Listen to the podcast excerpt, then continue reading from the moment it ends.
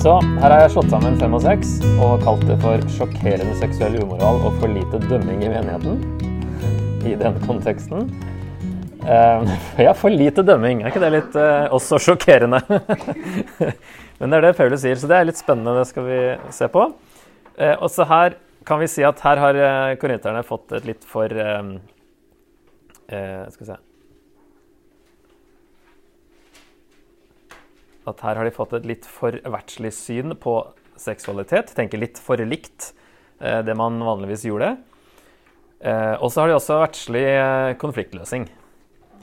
Eh, de går til rettssak over småting i stedet for å løse det som søsken. Så det er eh, ikke sånn Paulus og Jesus mener man skal gjøre det. Ehm, men så har de kanskje tippa litt for mye andre veien, virker det som på noen ting, i kapittel 7, der det kanskje er litt for åndelig syn på ekteskap. Der de ser ut til å ha lurt på om det er bedre å ikke leve sammen når man er gift, at det er mer liksom åndelig å leve hver for seg. Og at de uh, syns det er bedre å skille seg når, uh, hvis man har blitt kristen etter man er gift, og plutselig befinner seg da i et ekteskap med en hedning, da må det være bedre å skille seg. Vi kan ikke ha noe med hedningen å gjøre. Ikke sant? At jeg tippa litt over på de tingene der. Så Paulus eh, svarer på et spørsmål. Så det er jo der han begynner for alvor da, å svare på konkrete, mange spørsmål da, som de har sendt til han i et brev. Så denne sjokkerende seksuelle umoralen, det er jo det det åpner med i vers 1 og to her. Rett ut sagt, en hører om hor blant dere, og det i en form som ikke engang hedningene tåler, nemlig at en mann lever med sin fars kone, og likevel er dere stolte. Dere burde ha kjent sorg og vist bort fra dere den som har gjort dette. Problemet er altså en i menigheten har et forhold med mest sannsynlig sin stemor, og menigheten er stolte. Og kanskje er ikke hun en del av menigheten ettersom hun ikke omtales, tenker noen. Eh, det kan jo for så vidt være at han bare henvender seg til mannen, men Paulus er litt, faktisk litt sånn her eh, likestilling. Altså. Selv om han har fått rykte for å ikke være det, så er han jo revolusjonerende på det og eh, snakker mer til damer enn en andre ville gjort. Så kanskje hun ikke er en del av menigheten, men at i og med at um, man ofte var mye eldre enn kona, så kan jo de være likere i alder, si, denne sønnen her og stemora. Eh, så her er det det er, det er jo så sjokkerende at ikke engang hedningene ville akseptert det. Og de aksepterte, aksepterte ganske mye. Gresk-romersk samfunn aksepterte prostitusjon, utroskap og homofile forhold, men ikke søskenekteskap eller incestforhold. Forhold til stemor ble sett på som et forhold til sin mor, og straffen var bannlysning til en øy. Ja. Her er det eh, ting som da på ingen måte burde foregå i menigheten, når ikke engang samfunnet, og det meget liberale samfunnet, eh, ville godtatt det. Så det at de er stolte, kan være forskjellige grunner. Det kan være da den bare generelle holdningen som de har, de, som vi har sett på i kapittel 1-4. Eh, arrogante eller høye på pæra, selv om de har denne situasjonen i menigheten.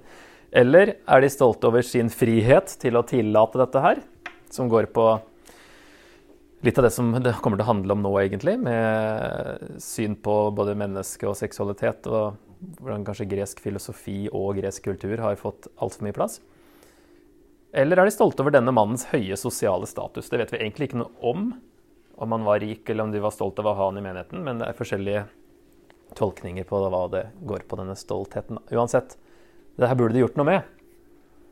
Um, dere burde ha kjent sorg, sier Høles, og vist bort fra dere den som har gjort dette. Han burde ikke være der engang. Så, for det, her kommer dette med for lite dømming, da. Når Paulus sier at det burde vist bort fra dere um, Og han sier uh, i vers 12 hva har jeg med å dømme dem som står utenfor? Er det ikke dem som er innenfor, dere skal dømme? Dem som står utenfor, skal Gud dømme. Få da den onde bort fra dere. Et sitat der. Ok, spørsmålet er skal vi dømme, som Paulus sier, eller skal vi ikke dømme, som Jesus sier i Matteus 7,1? Døm ikke, for at dere sjøl ikke skal bli dømt. Virker som Paulus sier litt overraskende ting her. for Vi er liksom vant til at eh, nei, det skal vi ikke gjøre. Vi skal ikke dømme de utenfor, og det er jo det vi har blitt mest kjent for at vi gjør. og så skal vi, skal vi dømme de innafor. Men dømme betyr ikke fordømme. Egentlig, dømme er ikke noe negativt ord i seg sjøl.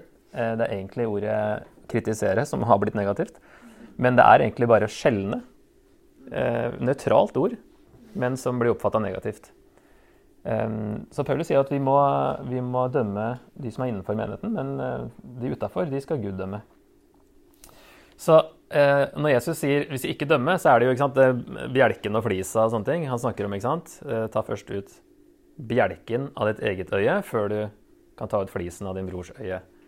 Det betyr jo ikke at du aldri skal ta ut flisen av din brors øye, men du skal sjekke deg sjøl først. Du skal ikke dømme fordi du tror du er bedre.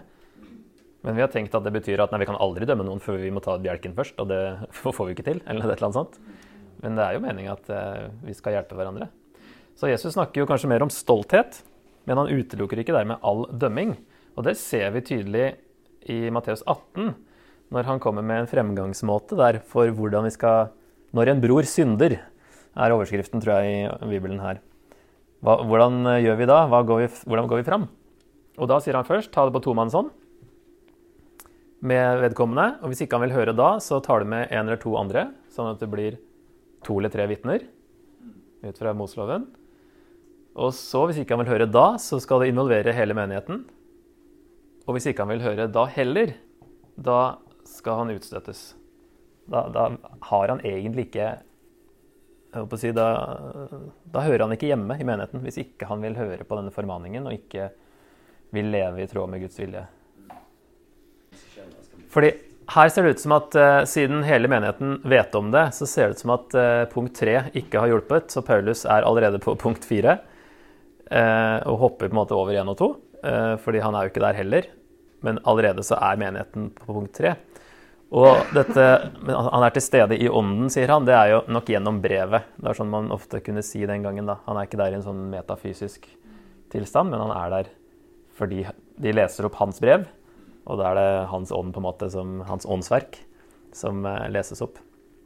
Og han eh, formidler sin konklusjon på dette her da, gjennom brevet. Så løsningen, sier Paulus Her er jo spørsmålet, nei, eh, problemet, som vi så, at han her lever med sin stemor og menigheten er stolte. Løsningen er å overgi denne mannen til Satans territorium, som kanskje forstås da som utenfor menigheten. At det er satt over fra mørkets rike til Guds rike og lysets rike, at det er menigheten. Og at han da, ved å støttes ut, så er han da overgis til Satan. Ikke at han liksom skal tortureres av en eller annen rar person som vi ser for oss. Dette Satan-bildet er jo ganske mest up, egentlig.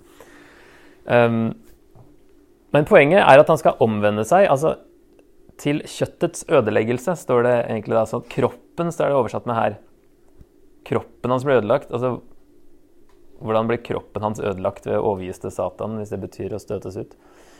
Uh, jeg tror nok det betyr at eh, kjøttet, altså den syndige naturen, skal ødelegges. Dvs. Si at han eh, omvendes. Eh, poenget er å få han til å omvende seg. Poenget er ikke at han dømmes for alltid. Men den siste instans er at han, eh, det her blir så eh, kraftig spesielt ta neste punkt før vi har lest ferdig det her, spesielt i en ære-skam-kultur. At det ble ansett som verre enn døden. Og spesielt hvis man var rik. For da hadde man liksom tenkt at alt ordner seg. Hvis han her var rik, det vet vi jo ikke, men da har det vært enda verre. Og kjempeflaut. Og da er det, liksom, mye bedre å dø enn å oppleve dette her. Det funker jo ikke like bra i dag. Vi går bare til en menighet lenger ned i Prinsens gate. eller noe sånt. sånn at Eh, det er litt vanskelig, det skal vi snakke om. Da. Hvordan vi, kan vi håndheve dette? her? Hvordan kan dette praktiseres? Men eh, eh andre sted han nevner, er 1. Timoteus 1,20. Der snakker han vel også om eh, Det er to sånne vanskelige vranglærere, holdt på å si. Som eh, Blant dem er Hymeneos og Alexander, som jeg har overgitt til Satan, sier han. For at de skal bli irettesatt, så de ikke spotter. Så det er samme han bruker samme uttrykk, overgitt til Satan. Og hensikten er at de skal bli irettesatt, og her er hensikten at, skal, at han skal omvende seg. Slik at kjøttet hans blir ødelagt, men ånden kan bli frelst. Her er det noen som mener at uh, han, han, sier ikke kroppen hans eller kjøttet hans og ånden hans, at han mener, snakker mer generelt om uh, menigheten. At uh, det å ødelegge alt det kjøttslige si, i menigheten og redde det som er åndelig, at det vil være et eksempel for hele menigheten da, til helliggjørelse. Si vokse i, i et liv etter Guds vilje. For å beskytte menigheten ser det ut som at han sier i vers 6 Dere har sannelig ikke mye å være stolte av. Vet dere ikke at litt surdeig gjennomsyrer hele deigen? Dette med at uh, det må stoppes, ellers så kan det spre seg. Og det er jo det samme prinsippet. Derfor siterer han 5. Mosebok helt på slutten. Få da den onde bort fra dere. Det er jo dødsstraffsammenheng i Moseloven. Den som ikke vil eh, omvende seg, den som ikke vil innrette seg etter Guds lov, er ikke en del av Guds folk. Og i Moseloven så var det dødsstraff for å gjøre det. Det er jo voldsomt. Så nytestamentlige eh, ekvivalenten er utstøtelse fra menigheten. da. Eh, mine tidløse sannheter, da. på en måte. Vi må rydde opp i egne rekker framfor å kritisere mennesker som ikke kjenner Gud. Ser ut til å være Paulus sitt poeng. Og så handler dette her om opprør mot Gud uten anger, og samtidig kalle seg kristen. Det er ikke det samme som å slite med en synd. Det er en ting som er tydelig imot Guds vilje, men du vil ikke innrette etter Guds vilje. Hele menigheten mener at dette, dette bør ikke, sånn bør man ikke leve hvis man skal kalle seg kristen. Paulus har en, en liste her i um, Han sier videre her Jeg skrev i brevet til dere, i vers 9 at dere ikke skal ha noe å gjøre med folk som lever i hor. Jeg mente ikke alle i denne verden som driver hor, eller er grådige, eller er ransmenn og avgudsdyrkere. Da måtte dere jo gå ut av verden. Det jeg mente med det jeg skrev, var at dere ikke skal omgås en som kalles bror, og som likevel lever i hor, eller er grådig, eller som er en avgudsdyrker, spotter, drukkenbolt eller ransmann. Slike skal heller, eh, dere heller ikke spise sammen med. Så der kommer det jo flere ting som man ville gjort det samme med. Men det betyr Det er en livsstil i opprør mot Guds vilje. Det er ikke at man sliter med ting. Og som faller i synd innimellom. Det gjør vi alle. Og ingen forventer at vi skal være perfekte i menigheten. Men det handler om en, en bevisst uh, livsstil som går imot Guds vilje, som man ikke vil omvende seg fra. Ok, Men dette med kirkedisiplin er jo et ord som vi aldri bruker. Kirketukt var jo et ord i gamle dager. Um, og det er liksom siste århundre, er den som sier her, Mike, nei, Thomas Oden, det siste århundret har sett at disiplinen har blitt mer og mer relat relativistisk, pløsete, tvetydig eller helt borte. Altså det har vært praktisert opp til 18, slutten av 1800-tallet kanskje, eller et eller annet sånt. Uh, og så har det blitt uh, liksom litt borte. Og en annen her som sier Litt lengre sitat. Videre forsto den nytestamentlige kirke at å være et medlem av Kristi kropp betydde at man var ansvarlig overfor hverandre. Hvis én led, led alle. Hvis én gledet seg, gledet alle seg. Det var en dramatisk økonomisk deling i Det nye testamentet, og det var kirkelig disiplin. Og vi burde ikke gi opp kirkelig disiplin bare fordi vi så ofte har gjort det på en lovisk måte. Vi må gjenopprette den nytestamentlige forståelsen. John Wesley sa det så fint da han sa at kirkelig disiplin er å passe på hverandre i kjærlighet. Så, eh, men eh, vi skal ta opp den om en liten stund. Vi fortsetter med for lite dømming inn i kapittel seks. Det er fortsatt temaet. Um, når en av dere har en sak mot en annen, hvordan kan han da våge å legge den fram for de urettferdige og ikke for de hellige? Vet dere ikke at de hellige skal dømme verden? Men når dere skal dømme verden, hvorfor duger dere ikke da til å dømme i småsaker? Vet dere ikke at vi skal dømme engler? Kan dere ikke da dømme i jordiske saker? Og når dere har slike saker, hvorfor setter dere til dommere folk som ikke har tillit i menigheten? Det er en skam for dere. Finnes det ikke en eneste forstandig blant dere som kan ordne opp i saker mellom brødre? Nei, bror fører sak mot bror, og det for dommere som ikke er troende. Så her eh, er de jo skrytt av å være veldig vise, da. Eh, og så er det ingen som er forstandig nok til å dømme innad i menigheten, Paulus. Så problemet her Det er vel sånn problemløsning som dere begynner å se nå. Problemet er at de saksøker hverandre for småting foran vertslige, som man kaller urettferdige domstoler. Og her kan det jo være et lite ordspill. De er urettferdige fordi de ikke er frelst. Ikke de er ikke rettferdiggjort. Urettferdig. Men så er det også mye korrupsjon på denne tida. Så det var mest de rike som fikk eh, vilja si i rettssaken.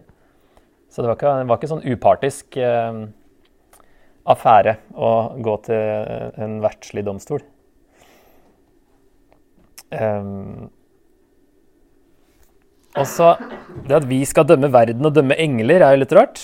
Uh, det er ikke så mange ganger det dukker opp, men her uh, blant annet. Uh, og da kan vi kanskje tenke, i hvert fall har jeg tenkt, at alle som er i Kristus, skal være med på å dømme verden når han gjør det. Kanskje. På en eller annen måte. Vi er i Kristus hele veien. Og når han skal den verden, så på en eller annen måte så blir Jeg vet ikke hvordan det kommer til å bli rent konkret, om vi skal få en eller annen oppgave, men at vi på en måte er på Kristus sin side, virker det som, da, i dommen. Disiplene spør jo Jesus og eh, Eller Jesus sier noe om at dere skal, få, dere skal dømme Israels tolv stammer, sier han til apostlene. Så det er et par ganger det dukker opp, og det er veldig merkelig. Men, eh, men Jesus sier jo i Johannes 5 at den som tror på han eh, har evig liv og kommer ikke for dommen. At vi skal ikke dømmes, for vi er allerede blitt dømt i at vi tror på at Jesus tok dommen vår. Eh, så når dommen kommer, da, så går vi fri, på en måte. Og da, om det har noe å si for dette her, men, men at vi skal fysisk konkret dømme engler og, og, resten av verden, det tør jeg ikke si så mye mer om enn at det er et par steder det nevnes noe sånt. da. Men det kan jo være litt sånn metaforisk også, kanskje, at vi er i Kristus, og Kristus skal dømme.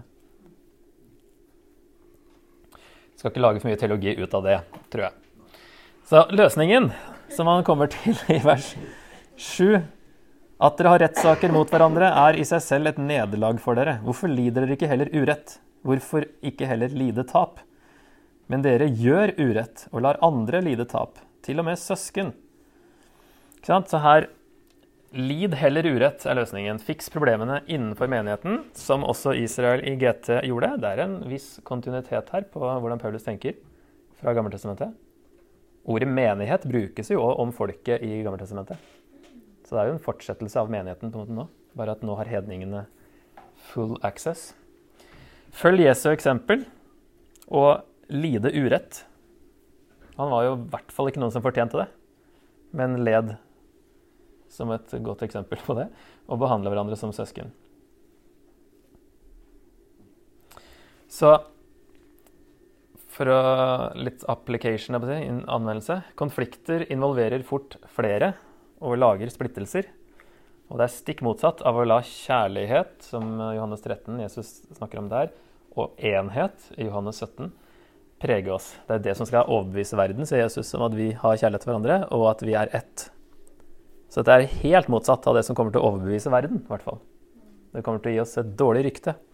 Så prøv å ikke være med på det og gi menigheten et dårlig rykte. Og vær villig til å lide urett og ikke alltid stå på krava. Dette gjelder jo småting. Vi har uh, gode eksempler i Bibelen nå på at Gud, altså Gud er rettferdig. Gud vil at rettferdighet skal skje. Han ga jo hele Moseloven for at det skulle være et rettferdig, lovregulert samfunn. Og Paulus i Romerne 13 er veldig tydelig på at eh, rettferd, altså domstolene, når de dømmer rettferdig i tråd med Guds vilje, så er det Guds utstrakte arm, på en måte. Um, sånn at Det betyr ikke at vi skal la alt mulig passere, men småting som eh, Vi kan bare svelge en kamel, holdt på å si. Det er det det handler om. Det betyr ikke at vi alltid vender det andre kinnet til, for rettferdighet er òg viktig at det skjer. Så hvis det blir alvorlige saker, så må vi selvfølgelig gjøre noe med det. Og det er jo det han har snakka om rett før her òg. Du må gjøre noe med det når det kommer til alvorlige ting som er opprør. Men han kommer med en liste her, da, etter å ha sagt at eh, dere gjør urett istedenfor å lide urett. Og så sier han, vet dere ikke at de som gjør urett, sånn som de nå gjør, ikke skal arve Guds rike. La dere ikke føre vill, verken de som driver hor, de som dyrker avguder, eller de som bryter ekteskapet, verken menn som ligger med menn, eller som lar seg ligge med, verken tyver, grådige, drukkenbolter, spottere eller ransmenn skal arve Guds rike. Slik var noen av dere før, men nå er dere vasket rene, dere er gjort hellige, dere er gjort rettferdige i Herren Jesu Kristi navn og ved vår Guds ånd. Så her har de vært mye forskjellig i Korint-menigheten. Sånn var dere før, men nå ikke nå lenger. Og det vet dere jo, at det, det, her er ikke forenlig med Guds vilje hvis man har en livsstil som, uh, som passer inn i den lista her, da. Um, men her er det bare sånn viktig å bare nevne nå at uh, Skal vi se uh, Ja, det er ting som har, har nevnt allerede i brevet her. De to første og de fire siste. Men så er det noen nye i midten. Men det er ikke noen overraskelser heller. Det er jo ting som uh, hele Bibelen snakker om flere ganger. Så det er ikke Paulus som finner på tingene, liksom. Det er jo masse han henter fra, fra Moseloven og uttrykk for Guds vilje der, da. Men her er det altså, som sagt, ett av tre steder så Paulus kommer inn på uh, homoseksuell praksis, ikke legning. Praksis. Slik var noen av dere før. Bibelen snakker egentlig bare om, om praksisen.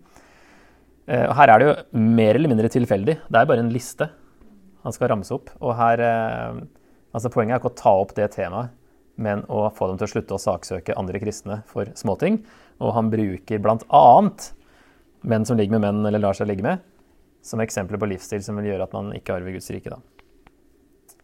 Så det å saksøke andre kristne for småting er like ille som uh, homoseksuell livsstil. I hvert fall i lista her. Det er jo poenget til Paulus. Ordet, ordet 'dømme' er så negativ klang. Jeg har brukt det litt på gøy, da. At det er for lite dømming. Men uh, uttrykket 'passe på hverandre i kjærlighet' er jo uh, bedre beskrivelse av hva dømming er for noe. I Romerne 1, der Paulus òg kommer inn på uh, homofili og sånne ting, så, så ramser han opp som, i samme kontekst der. Baktaling, f.eks. Like alvorlig. Og det å være ulydig mot foreldre er like alvorlig.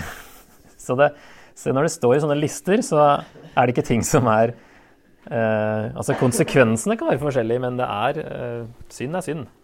Og det er et uttrykk for en livsstil eh, som ikke er i tråd med Guds vilje, ifølge Paulus. Paulus snakker fortsatt om seksualitet her i slutten av kapittel eh, seks. Eh, og der virker det som at problemet er at eh, det vi hadde oppe på fjellet her, eh, i hvert fall tidligere, dette tempelet. Eh, om det hadde med det å gjøre nå, men uansett så mente de at å gå til prostituerte var greit og helt naturlig, virker det som. Som er et problem som Kloes folk har rapportert tilbake til Paulus. Um, som sagt, da, Korint hadde hatt 1000 tempelprostituerte i Afrodite-tempelet før byen ble ødelagt i 146 før Kristus. Usikkert om dette ble uh, gjenopptatt etterpå. Men uh, uansett så er det et problem med prostitusjon her, og at de syns det er greit. Eh, nå begynner det å bli sånn vanskelig, og noe av det som gjør første korinterbrev litt vrient, er at Paulus ser ut til å sitere brev, ting fra brevet til korinterne, eller sitere ting de, sånne slagord de har, uten at den greske teksten brukte anførselstegn. Og da er det vanskelig å vite er det Paulus eller ikke, for det virker som han motsier seg sjøl mange ganger. Og da er det nok kanskje sannsynlig at han har sitert korinterne, og så korrigerer han det de har sagt.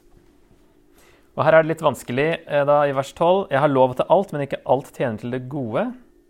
Jeg har lov til alt, men jeg skal ikke la noe få makt over meg. Er det korinternes sitat, eller er det delvis hvor Paulus kommer med et 'men'? Har de sagt 'jeg har lov til alt', ikke sant? jeg er jo fri? Og det kan godt hende jeg har sagt. Og så sier Paulus ja, men ikke alt tjener til det gode. Jeg har jo lov til alt. Jeg er jo vi er ikke under loven. Nei da, men uh, skal ikke la noe få makt over deg for det. Så det kan være at Paulus, disse mennene er fra Paulus, kanskje. At han siterer, eller korrigerer litt det her eh, slagordet som gjør at de lever som de gjør. da.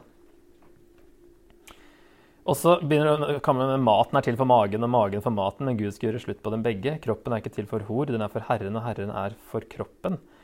Eh, virker som han sammenligner mat og eh, og hor, egentlig, her.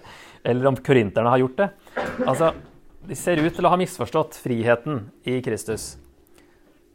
og sammenlignet de seksuelle behov med det å være sulten. Kanskje mente de det var irrelevant hva de gjorde med kroppen, siden den skulle forgå uansett. Ut fra gresk tankegang med veldig sånn ånd og kropp var skilt. ikke sant? Kroppen nei, det er ikke det, den blir ikke frelst, den skal gå under, tenkte de. Og Det er egentlig ikke en bibelsk tanke i det hele tatt. Men tenkte de, ja, da kan vi leve som vi vil med kroppen, da. Det har ikke noe å si.